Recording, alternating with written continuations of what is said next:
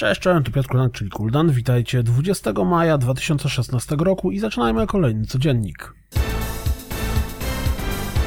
Zaprezentowano nowe Gran Turismo, Gran Turismo Sport. Oprócz zwiastuna poznaliśmy również datę premiery gry 16 listopada 2016 roku. Pamiętam co pokazał Photomode w Drive Clubie, więc po Gran Turismo spodziewam się jeszcze więcej. Pocztówki z autami nadchodzą. Hearts of Iron 4, czyli specyficzna gra w Excela osadzona w świecie II wojny światowej, dostępna jest przed sprzedaży, o czym informuje nas z nowego zwiastuna. Pojawił się nowy zwiastun Technomancera skupiający się na postaciach towarzyszących głównemu bohaterowi. Mam silne skojarzenia z Mass Effectem. W związku ze zbliżającą się premierą Prison Architecta na PlayStation 4 możemy obejrzeć nowy, dość zabawny zwiastun. Jeszcze tylko 10 dni i powrócimy do świata Wiedźmina III. Podgrzejmy sobie hype oglądając nowy zwiastun dodatku.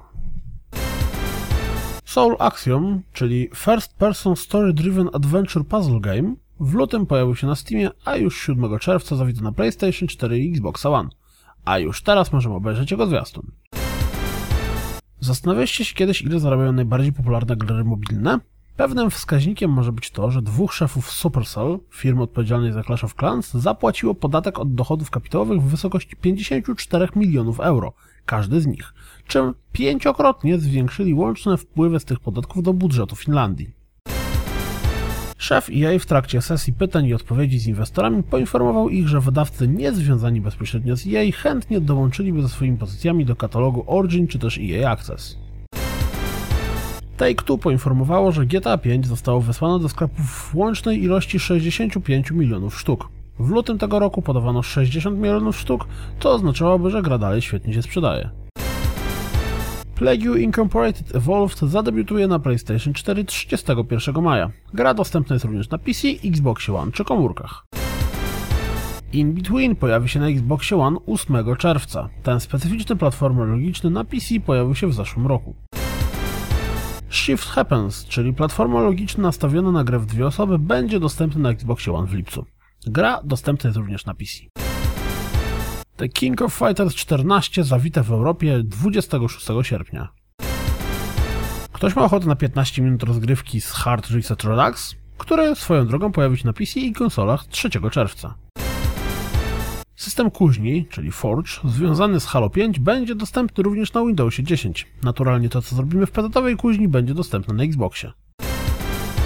31 maja w Battlebornie pojawi się nowa, darmowa do kupienia za woltę w grze postać Alani.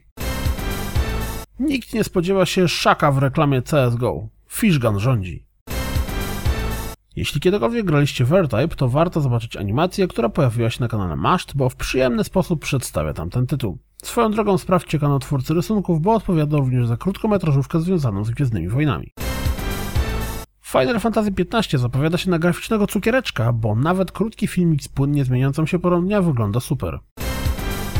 Koniecznie zobaczcie filmik związany z Uncharted 4, bo pokazuje coś, o czym nigdy bym nie pomyślał w związku z grami, a zarazem jest to coś niezwykle ważnego.